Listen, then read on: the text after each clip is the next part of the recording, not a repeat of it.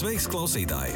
Skan Latvijas vēstneša informatīvās platformas raidieraksts Kā likums. Sveicināti mūsu iknedēļas raidierakstā Kā likums. Sarunu vadīšu es Zaida Kalniņa, un šoreiz sarunāšos atkal ar jau daudz klausītāju iepazīto zinošo un atsaucīgo advokātu Gitu Oškāju. Sveika, Gita! Sveika, sveika. Gita, pastāsti, vai tu sevi vari raksturot kā precīzu, organizētu, punktuālu cilvēku tajās situācijās, kad runa ir par termiņiem un to ievērošanu? Jā, noteikti. Jo termiņi tas patiesībā viņš brīžiem šķiet, ka ir pārāk zemu novērtēts jautājums. Un patiesībā ikvienam juristam, advokātam šie te termiņi ir ļoti jāievēro, jo no ja tā šos termiņus neievēro, tad tās sekas var būt absolūti neatgriezeniskas. Un patiesībā jau, nu, ja tā mēs skatāmies no tādām praktiskām situācijām, tad ļoti bieži pie manis vēršas klienti, nu, respektīvi darba devēji, un kuriem praksē ir bijusi problēma, kad ja piemēram, iet runa par atlaišanu un dēļ darbinieku izdarītiem pārkāpumiem, diemžēl jāsacina, ka ir nokavēta termiņa. Un savukārt situācijās, kad darbinieki vēršas pie manis, uh, lai aizstāvētu savas, savas nu, aizskartās tiesības, nākas secināt, ka ir nokavēts termiņš prasības celšanai.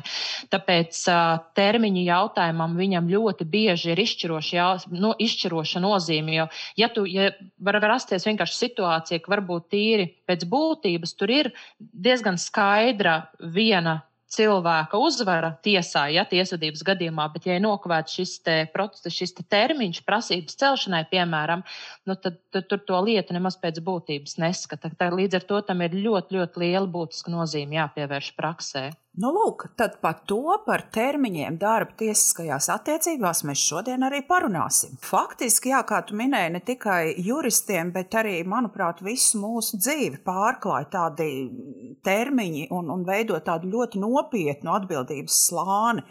Un, un arī tiesību aktos to ir par pārējiem, bet, ja runā par darba tiesiskajām attiecībām, tad uh, tur termiņiem ir veltīta it kā vesela nodaļa. Tajā ir gan divi panti, kas ir jāvērtē pēc būtības. Eh, un kā ir eh, ne tikai tiesvedības situācijās, cik augsta prioritāte termiņu ievērošanai vispār ir darba tiesiskajās attiecībās? Nu, kā jau es minēju, tā termiņu ievērošana viņa ir, tā prioritāte ir augsta. Ja? Tajā, protams, ir tikai tie divi panti, ja? bet tie panti viņi noteica termiņu skaitīšanas kārtību. Taču paši tie termiņi, respektīvi šo te termiņu, kādos ir jāveic kaut kādas darbības, ir atrunāti citos darba likuma pantos un citos likumu pantos. Līdz ar to ir ļoti vērīgam jābūt. Uh, jā, piemēram, darba likuma 15. pāns nosaka, ka paredzētos termiņus uh, nosaka kā kalendāra datumu vai laiku posmu, ko aprēķina gados, mēnešos, nedēļās vai dienās. Termiņu var noteikt arī norādot notikumu, kuram katrā ziņā jāiestājās. Man ir jautājums, kad termiņu nosaka dienās, tīri praktiski? Uh, nu, praktiski, piemēram, dienās, dienās noteikts darba devēja uzteikuma termiņu. Ja, tas pats 103. pāns darba likumā. Uh, bet, uh, piemēram, tad, tur jau ir noteikts tas, tas nu, teiksim, tāds, tas minimāli maksimālais termiņš. Ja? Viņu var saīsināt, jo mēs tos termiņus varam grozīt tik tālu, cik tālu tas ir darbiniekam par labu. Tāpat dienās var noteikt arī darba līguma uz noteiktu laiku termiņu. Ja, ja pastāv vispār kāds no 44. panta minētajiem gadījumiem, ka darba līgumu uz noteiktu laiku vispār var noslēgt. Nu, piemēram, tāpat mēs esam iepriekšējos podkāstos runājuši par darba koplīgumu slēgšanu. Ja, tā tad arī rakstveida atbilde uz priekšu priekšlikumu noslēgt darba koplīgumu sniedzama desmit dienu laikā no priekšlikuma saņemšanas. Līdz ar to, kā jau es minēju, šie termiņi paši ir noteikti paša, paša pārējos darba likuma pantos. Vienkārši ir jāskatās katra konkrētā situācija, jāatrod tas īstais pants, kas regulē to attiecīgo situāciju, un jāskatās, kāds ir tas termiņš, kas ir jāievēro. Bet, protams, jāņem vērā, kad viņš sākas un kad viņš beidzas, ja, jo tam ir būtiska nozīme arī. Vai mēs varam pamēģināt ar tādiem konkrētiem piemēriem, pa datumiem ilustrēt 16. pantā noteikto termiņu piemērošanu? Jā, piemēram, protams. piemēram, ko nozīmē termiņš, kas sākas datumā, vai tā notikuma iestāšanas dienā, kas nosaka šā termiņa sākumu? Nu, piemēram, darba devēja uzteikuma izsniegšana pie uzteikuma termiņa ir viens mēnesis. Tātad sākas mēneša pirmā diena ar dienu, kad uzteikumu izsniedza darbiniekam. Nu, šeit es vēlos vērst uzmanību, ka nav svarīgs dokumenta sastādīšanas datums, ja?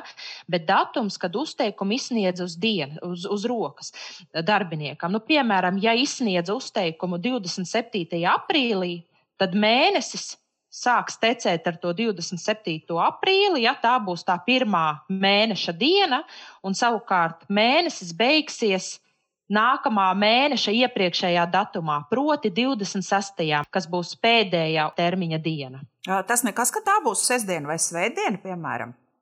Ja tā, nu šajā gadījumā es tie piemēri, ko es tev minu, tie ir, to nevajadzētu iekrist, ka 28. ir sestdiena vai svētdiena, tai, tam vai tai vajadzētu būt darbdienai, bet tomēr, ja gadījumā termiņa pēdējā diena iekrīt uh, svētku dienā vai brīvdienā, tad viņa tā kā automātiski pārceļās uz nākamo darba dienu. Mm.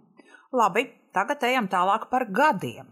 Termiņš, kas skaitāms gados, izbeidzas termiņa pēdējā gada attiecīgajā mēnesī un datumā. Jā, nu, piemēram, darba līgums noslēgts uz noteiktu laiku, uz vienu gadu. Nu, piemēram, darba līgums noslēgts 27. aprīlī uz vienu gadu. Tātad 27. aprīlī būs tā pirmā diena, kad sāk tecēt tas gad, tas gads, un tas viens gads beigsies, ja iztecēs nākamā gada 26. aprīlī. aprīlī. Mm. Jā. Mm -hmm. Jā, Bet par... atkal, kā jau, kā, jau, kā jau tu ļoti labi uzdevi šo jautājumu iepriekš, jā, tā tad ir jāskatās, vai šie te termiņi nebeidzas uh, brīvdienā vai svētku dienā. Jā, un nepieciešamības gadījumā viņš tā kā pārceļās. Uh, nu, un faktiski darba devējiem jau būtu jābrīdina cilvēks par to. Jā. Droši vien, lai nesenāk, ka viņš varbūt tur kaut ko neievēro vai, vai pārprot vai vēl kaut kā, ka tomēr, ja, ja tā. Nu, zini, kā Nu, protams, mēs sagaidām, nu, ņemot vērā, ka nu, tāda, teiksim, kaut kāda dokumentācijas gatavošana darba tiesiskajās attiecībās tiek uzskatīta par nu, darba devēja atbildību, ja un ir tīpaši darba līguma slēgšana. Tā ir darba devēja atbildība tad, protams, kad nu, gribas, gribas ticēt un paļauties uz to, ka darba devējs, ja viņš norāda tos kaut kādus termiņus, ja, tad viņš ir paskatījies kalendārā un pārliecinājies, lai nerastos pārpratumi. Bet praksē, protams, ka var būt, kad tiek norādīts, teiksim, kā jau es minēju, tas mans iepriekš minētais piemērs, ja, tiek noslēgts darba līgums uz noteiktu laiku, nepaskatās kalendārā, puses vienkārši noteica ja, to vienu gadu un izrādās, ka nākamā gadā tā termiņa pēdējā diena iekrīt svētku dienā. Nu, tad patiesībā pamatojoties jau uz darba likumu, šis te termiņš pagarinās, nu, pārcelsies uz to nākamo -hmm. darba dienu. -hmm. Tā kā jāskatās pēc situācijas, kā tā situācija veidojas. Interesanti, manuprāt, ir ar tiem mēnešiem, vai ne? Termiņš, kas skaitāms mēnešos, izbeidzas mēneša pēdējā mēneša attiecīgajā datumā. Ja mēnešos skaitāms termiņš beidzas tādā mēnesī, kuram nav attiecīgā datuma termiņš, izbeidzas šī mēneša pēdējā dienā. Es jau saprotu, ka cilvēkam, kurš varbūt ikdienā nestrādā ar, ar, ar tādām teiksim, nav ne jurists, ne advokāts, viņam varbūt pat grūti varētu saprast, ko nozīmē attiecīgi, attiecīgie likuma panti.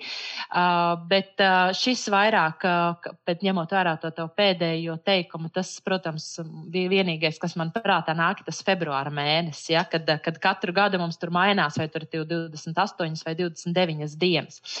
Bet praksē nav tik grūti, kā varbūt izklausās. Nu, respektīvi, termiņš, kas skaidrs, skaitāms mēnešos izbeidzas termiņa pēdējā mēneša attiecīgajā datumā.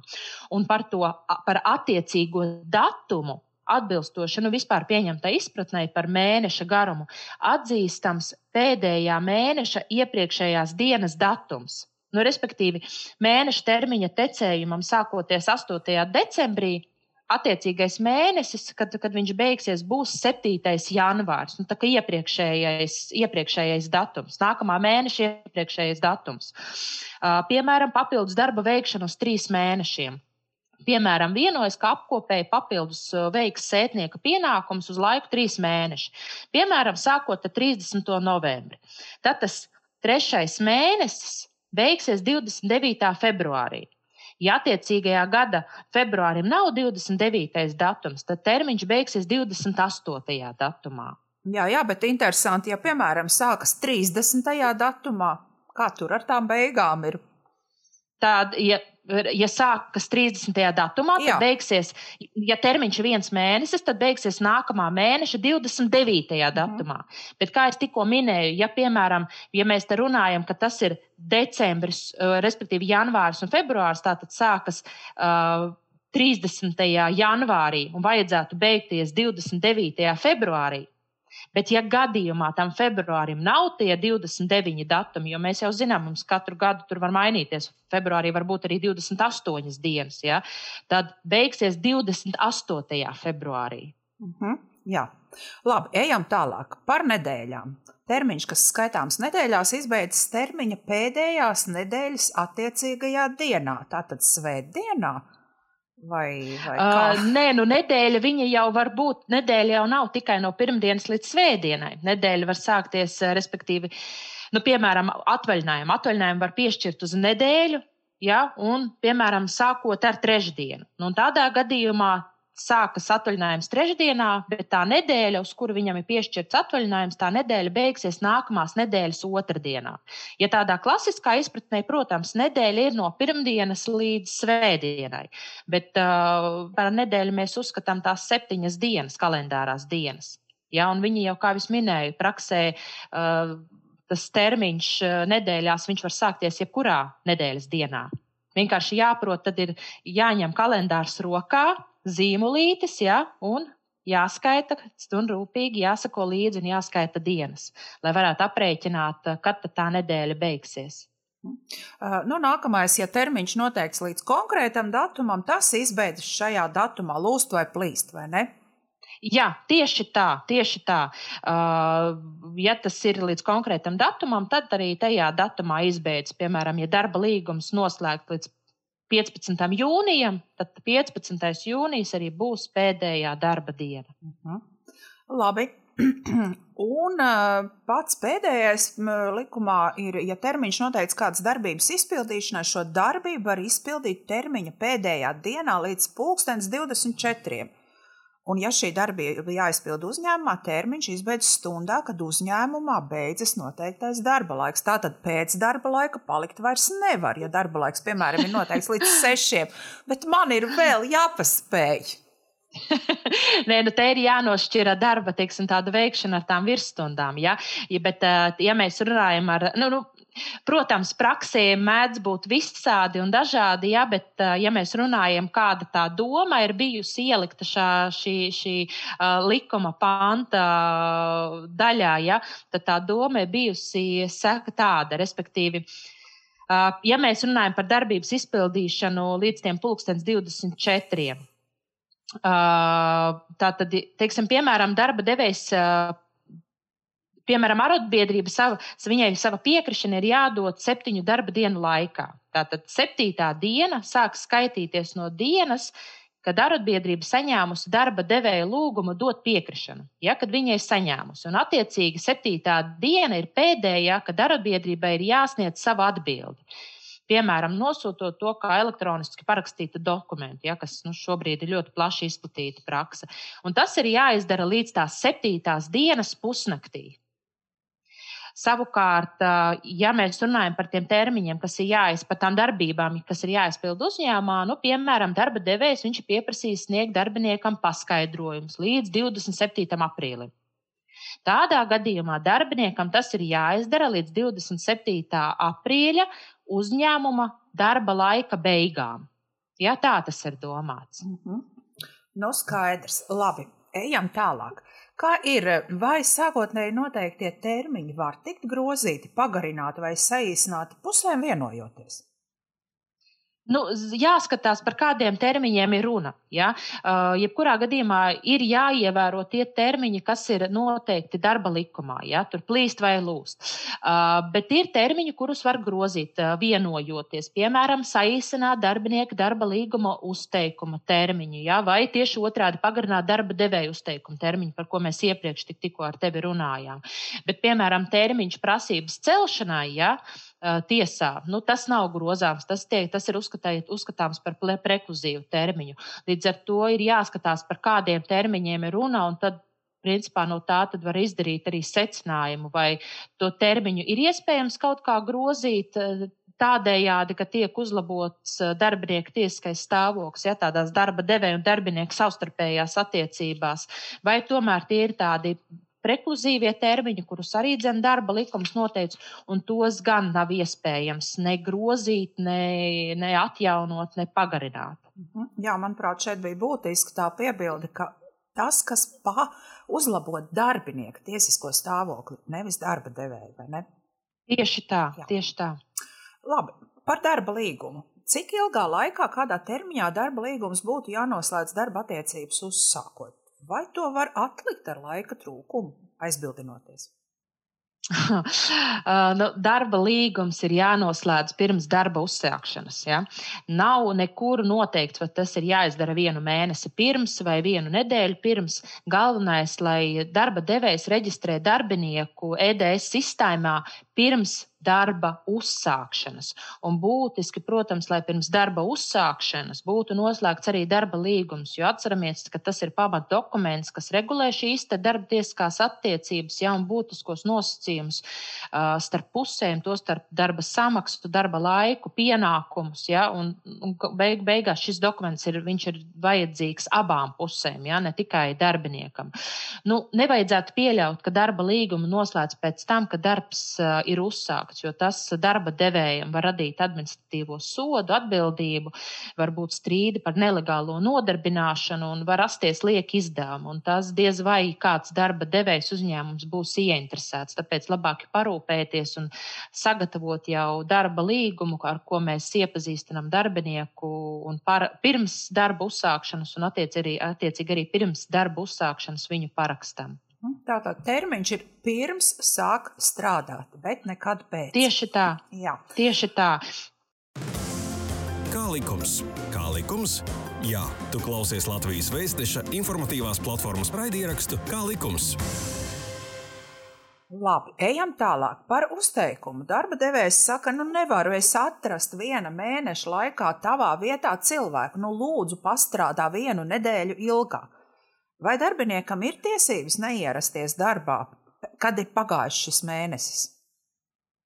Nu, protams, tā šī tāda ļoti, ļoti praktiska situācija. Tā patiešām mēdz būt, ja jomās, kur ir darba spēka trūkums. Nu, tad, tomēr, cik man zināms, tad, ja ir tādas normālas kolēģiālas attiecības, tad puses vienmēr spēja atrast šo kompromisu.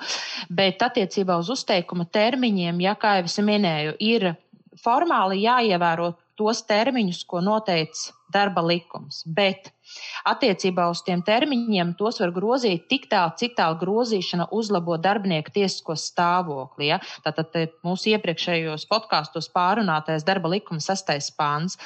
Nu, proti, darbinieku uzteikuma gadījumā, piemēram, ir noteikts viens mēnesis. Puses var vienoties par īsāku uzteikuma termiņu, jo tas viens mēnesis ir maksimums.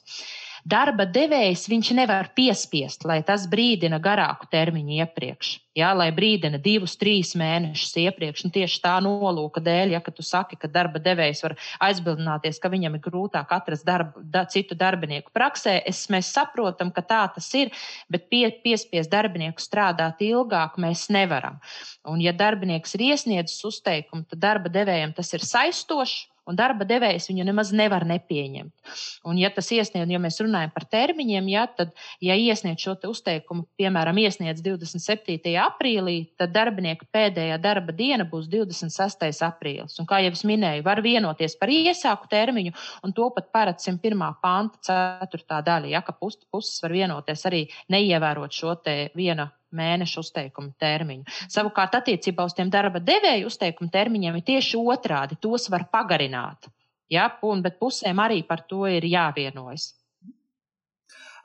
Kā būs risināma situācija, ja darba devējs ir nolīdzis aizvietotājs darbinieku prombūtnes laiku un norādījis līgumā tiešām konkrētu datumu, taču prombūtnē esošais darbinieks atgriežas ātrāk, vai aizvietotāja līguma termiņš joprojām ir līgumā noteiktais?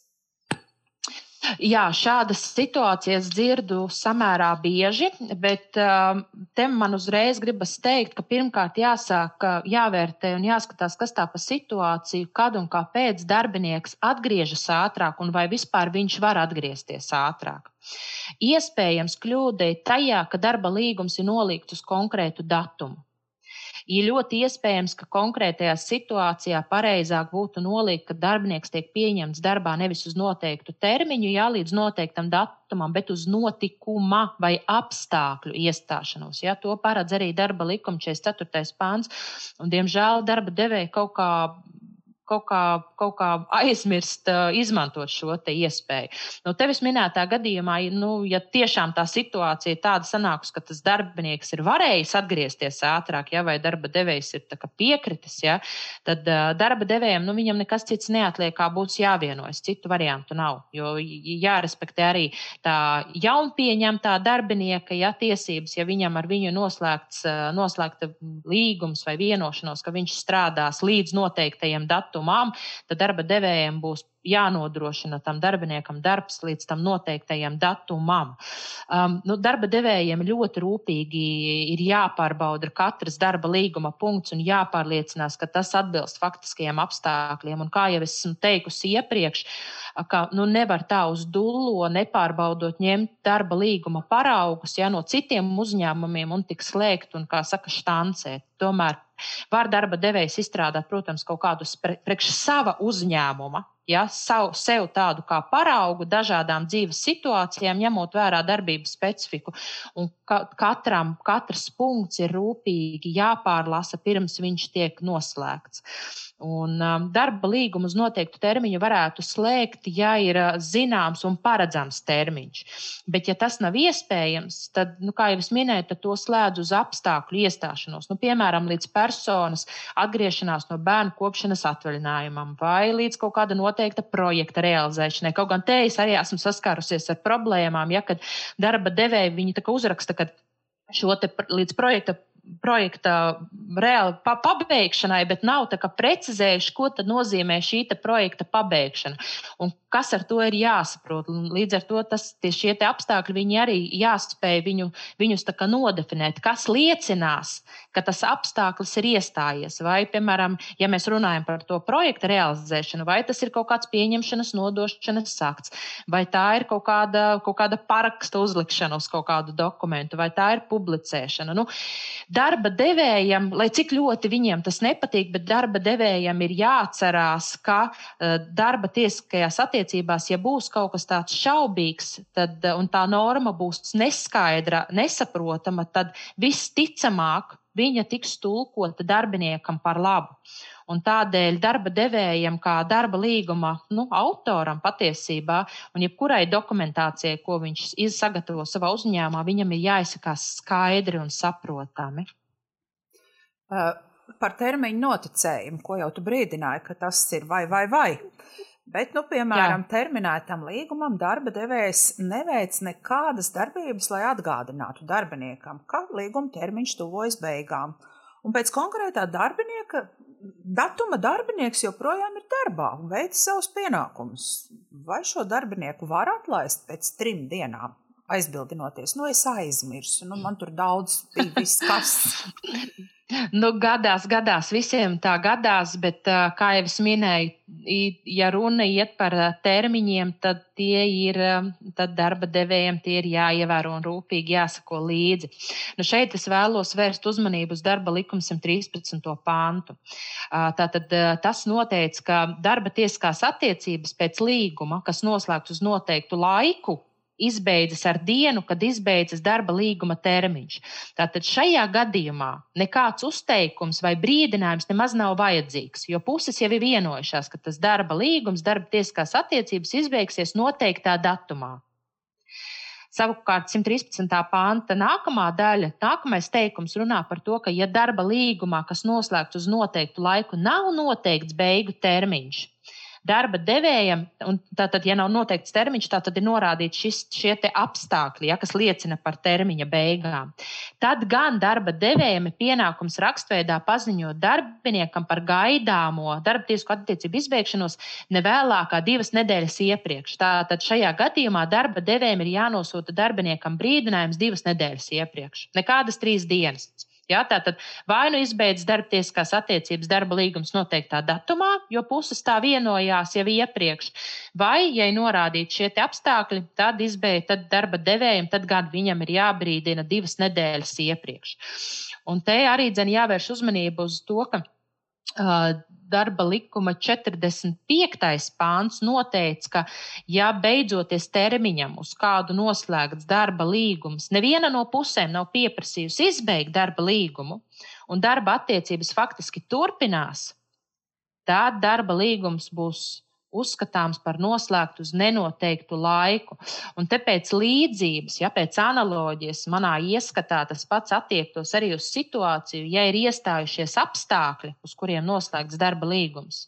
Un, ja neviena no pusēm nepieprasa izbeigt darba līgumu, nu, respektīvi, netiek nosūtīts šis brīdinājums, ja vispār, un darba tiesiskās attiecības faktiski turpinās, tad arī šajā situācijā, manā ieskatā, darba līgums būs uzskatāms par noslēgtu uz nenoteiktu laiku. Tāpēc darba devējiem viņiem ir rūpīgi jāsako līdz šiem te termiņiem, kas var būt nolikts arī kā apstākļus, un attiecīgi noteiktajā datumā ir jāizbeidz darba tiesiskās attiecības. Jo pretējā gadījumā sekas var būt tādas, ka darbinieks uzskatīs, uzskatīs, ka darba līgums ir pārslēdzies uz nenoteiktu laiku. Protams, protams. Un tad darba devējiem tā galva vairāk sāpēs, kā tās darba tiesiskās attiecības izbeigt. Ja? Un tad tā situācijas risinājums būs daudz problemātiskāks un sarežģītāks. Ja mēs pieņemam, ka, pieņemam, ka vispār darba tiesisko attiecību izbeigšana, jau uzteikuma kārtība, procedūra, tā nav vienkārši. Ja? Tur ir ļoti virkne daudz dažādu pienākumu, kas darba devējiem ir jāveic. Ok, ejam tālāk. Manuprāt, interesanta situācija, kas bija nu pat mājas sākumā. Piemēram, darba līgums beidzas uh, uz priekšu pārceltajā darbdienā. 3. maijā, ja beidzas darba līgums. 3. maijā mums bija mums pārceltā darba diena, bija uz 8. maiju. Vai šajā gadījumā darbiniekam tiešām ir jānāk uz darbu 8. maijā? Nē, nē, nē, nē. Kā jau es minēju, ja tas darba līgums ir noslēgts līdz noteiktajam termiņam, ja, tad viņš arī izbeidzas noteiktajā termiņā. Tātad, da, tātad, ja tas datums iekrīt, piemēram, kā šogad, tas bija 3. maija, ja nemaldos, ja, nu, tad tās 3. maija arī būs pēdējā darba tiesisko attiecību diena. Neatkarīgi no tā, ka nav maijā darbiniekam. Nu, redz, nu, jo savādāk vienkārši te jau no loģikas, ja iedomājies, kā tad sanāk darba līgums ir noslēgts līdz 3. maijam. Un, ja viņam būtu jānāk uz darbu, jāatstrādā tas 3. maija, 8. maijā, kas tad notiek ar, pie, kas tad notiek ar 5, 8, 7? Jo tur jau viņš jau nav piekritis, ka, ka, ka, ka, ka tajos datumos tās darba tiesiskās attiecības turpināsies. Līdz ar to darba līgums izbeigsies 3. maijā, un viņam neviens nevar piespiest nākt uz darbu atstrādāt vēl 8. maiju. Labi, vēl par, varbūt par atvaļinājumu naudas izmaksāšanas termiņiem. Likums gan tur skaidri nosaka, ja darbinieks eh, uzskata, ka eh, viņš vēlas šo atvaļinājumu saņemt nevis uzreiz naudu tajā dienā pirms dodas atvaļinājumā, bet nākamajā algas dienā, tad viņš raksta šo iesniegumu. Taču dzīvē mēdz būt otrādi ka darba devējs galīgi negrib šo atvaļinājumu naudu izmaksāt pirms atvaļinājuma. Ar ko būtu jārēķinās darbiniekam un, un kā viņam rīkoties? Nu, darba likums stingri noteica, ka darba devējs samaksu par atvaļinājuma laiku un darba samaksu par laiku, kas ir nostrādāts līdz atvaļinājumam, darbiniekam izmaksā nevēlāk kā vienu dienu pirms atvaļinājuma. Tas ir, tas ir melns uz baltu uzrakstīts, tas ir no likuma izrietošs pienākums.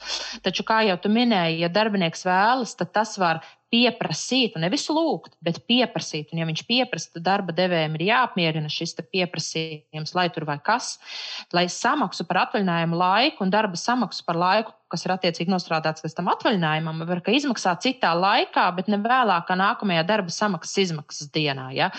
Nu, praksē, nu, redz, tas ir tas, tu saki, nu, protams, ka var, ir jau situācijas praksē, mēs dzirdam, ka darba devējs, kā teikt, vispār negrib izmaksāt šo atvaļinājumu naudu pēc principa, ja, nu, tu taču uz darbu nenāc, kāpēc man tev vispār tas ir jāmaksā. Nu, te ir tikai un vienīgi vai nu prasība tiesā, ja vai, nu, ja, teiksim, ja nav, ja nav, ja nav iespējas noliegt juristu vai advokātu, tad uh, sūdzība valsts darba inspekcijā. Tā kā te jau nekas cits neatliek, kā cīnīties par tām savām aizskartajām tiesībām. Jo šajā gadījumā te darba devējiem nav plašas izvēles iespējas. Viņam šis pienākums ir jāpilda. Labi. Par atvaļinājumu termiņiem mums ļoti bieži LV portālā tiek iesūtīts e-konsultācijās jautājums, kad man jābūt darbā, mans atvaļinājums ir no tās dienas līdz tai dienai. Eh, jautājums, vai tiešām darbiniekam pašam ir jāprēķina, kad jābūt darbā, vai tas tomēr ir darba devēja pienākums eh, darbiniekam skaidri un gaiši pateikt? Jo, protams, šie sarežģījumi parasti rodās ar šīm svētku dienām, kas atvaļinājumu pagarina komplicēts eh, jautājums nu, tādā ziņā, ka jāskata no dažādiem aspektiem. Tātad, nu, kā, nu, protams, ka darbiniekam pašam arī jāsako līdzi ja, par, tā, par to, cik dienas viņš izmanto un cik daudz viņam ir palicis šis neizmantotais atvaļinājums. Man negribas domāt, ka darbinieks tā uz dūlo pieprasa atvaļinājumu, nezinot, cik ilgi viņš iet un kā, cik, tad, cik tad daudz viņam tas ir palicis. Viņam tas, lai, lai pats spētu nodrošināt, ka tiek aizsargātas viņa tiesības uz šo atvaļinājumu, viņam pašam arī ir jāveic uzskaite. Bet, protams, ka tas jādara arī darba devējiem. Tātad tas ir abu divu pušu pienākums. Kā piešķir atvaļinājumu? Atvaļinājumu piešķir vai nu saskaņā ar grafiku, vai saskaņā ar darbinieka iesniegumu. Un praksē mēdz, nu, es neesmu vispār pat dzirdējis citas savādākas situācijas, ja, kā, kā, kā to, ka darbinieki raksta iesniegumus, lūdzu piešķirt atvaļinājumu, un tad no darba devēja puses seko rīkojums par atvaļinājumu piešķiršanu. Jo darbinieks viņš jau var lūgt, bet piešķir atvaļinājumu darba devējs, un parasti tas notiek uz rakstveida dokumenta pamata. Un tajā tad attiecīgi tiek arī norādīts šis atvaļinājums, no kura datuma tiek piešķirts līdz kuram. Un darba tiesiskajās attiecībās tas vārdiņš no nozīmē, ka tā diena, kas ir norādīta kā no, ir pirmā termiņa diena. Savukārt diena, kas norādīta kā līdz, ir termiņa pēdējā diena. Tātad gan no, gan līdz nozīmēs ieskaitot. Nu, piemēram, ja runa iet par atvaļinājumiem, Tad, ja piešķir atvaļinājumu no 27. aprīļa līdz 21. maijam, ja, tad jau konkrēti, ja nevis nedēļās lūdzu piešķirt, bet jau noteiktu laika posmu lūdzu piešķirt kā atvaļinājumu. Tad tas nozīmē, ka atvaļinājumi jau pirmā diena būs 27. aprīlis, ja, jo lūdzu piešķirt no 27. aprīļa. Tātad 27. aprīlis būs pirmā atvaļinājuma diena. Un pēdējā, atvaļinā, pēdējā brīvā atvaļinājuma diena būs tas 21. maija. Tātad šī būs pēdējā diena, kad darbinieks varēs atpūsties, un 22. maijā viņam būs jāatgriežas darbā. Un pēdējais jautājums, mēs, protams, vēl par termiņiem varētu izdomāt vēl daudzas situācijas, bet eh, laiks ir tik, cik ir. Un jautāšu par komandēm naudas izmaksāšanas termiņiem. Kā ir ar skaidrs, ka, ja cilvēks dodas komandējumā, teiksim, uz ārzemēm, tad neapšaubām viņam nodrošina jā, šo, gan šo, šo dienas naudu, jā, gan šīs, šos viesnīcas izdevumus sēdz, jā, a priori iepriekš. Bet kā ir ar to dienas naudu, ja Latvijā cilvēks dodas darba braucienā vai komandējumā konkrēti? Kad ir jāsaņem šī dienas nauda? Viņa ir neliela, neapšaubām. Jā, nē, nu, te, tā, tā, te uzreiz vērš uzmanību, ja kad šīs te tātad, regulējums, kas saistīts ar, ar, ar darba braucieniem un komandējumiem, ja tātad tas uh, ir atrunāts ministra kabineta noteikumos 969. Un tur 11. punkts noteicis, ka komandējuma izdevuma atlīdzināšanu pēc darbinieka rakstiska pieprasījuma izsniedz avansu Līdz ar to no tā mēs secinām, ka tātad šīs te, šī te dienas naudas ne, arī par braucību, arī par darba komandējumiem uz ārvalstīm, viņus izmaksā avansā tikai tad, ja darbinieks to lūdz. Un tā tad, ja nevis lūdz, bet nepieprasa, ja, jo tiek lietots vārds pieprasījums, jo, ja darbinieks pieprasa, tad darba devējiem obligāti ir jāapmierina šis pieprasījums. Tātad, ja darbinieks nepieprasa, tad Pēc komandējuma atbilstoši to pašu ministru kabineta noteikumu 969.12. punktam tiks veikts galīgais norēķins. Tātad jau pēc komandējuma. Līdz ar to, nu, protams, es saprotu, ka nu, īpaši tas vairāk attiecas par tādiem komandējumiem uz ārvalstīm un īpaši tādiem ilgstošākiem. Tad, protams, tas būtu tas ir pilnīgi normāli darbinieka interesēs saņemt šo te avansu jau, lai būtu šī nauda izmaksātā, lai varētu, varētu atlīdzināt šos izdevumus, kas rodas komandējuma laikā. Bet tai Latvijā, nu, piemēram, vienas dienas darba brauciens uz citu pilsētu, tur arī ir dienas nauda. Jā, bet tas jau tas regulējums jau neatšķirās. Tātad, ja darbinieks ir rakstījis iesniegumu par to, ka viņš lūdz viņam izmaksāt, tad, tad viņam arī jāizmaksā avansā pirms, bet ja nē, tad Pēc tam, kā norēķina. Ja? Tad, jā, tad pēc šī te, jā, tieši tā, tad pēc šī te komandējuma darba devējs viņš veic šo te galīgo norēķinu, jo darbinieks te potenciāli var piestādīt arī dažādus uh, rēķinus, ja, gan par uh, viesnīcu vai par kādu transporta līdzekļu izmantošanu, pārvietošanos, ja, bet, uh, ja darbinieks lūdz, ja, tad darba devējiem obligāti arī ir jāapmierina šis te lūgums pirms komandējuma sākuma un jāveic šī izmaksa. Jā, labi. Teikšu tā, cienījamie klausītāji, ar to arī izskan mūsu šīs raidieraksts par termiņiem darba tiesiskajās attiecībās. Droši vien mēs abas ar Gitu varam jums vēlēt, ievērot vienmēr noteiktos termiņus, mācīties to darīt. Tas nav viegli, bet tas katrā ziņā jūsu dzīvi nesarežģīs gan privāti, gan arī darba attiecībās. Paldies, Gita, par komentāriem! Paldies, Lielas, ka uzaicinājāt! Jūs klausījāties raidierakstu kā likums uz sadzirdēšanos! Šī bija iknedēļas pusstunda kopā ar oficiālā izdevēja Latvijas vēstneses informatīvās platformas raidierakstu Kā likums. Pastāsti citiem, ja bija noderīgi un interesanti. Kā likums, tiekamies ik trešdienu!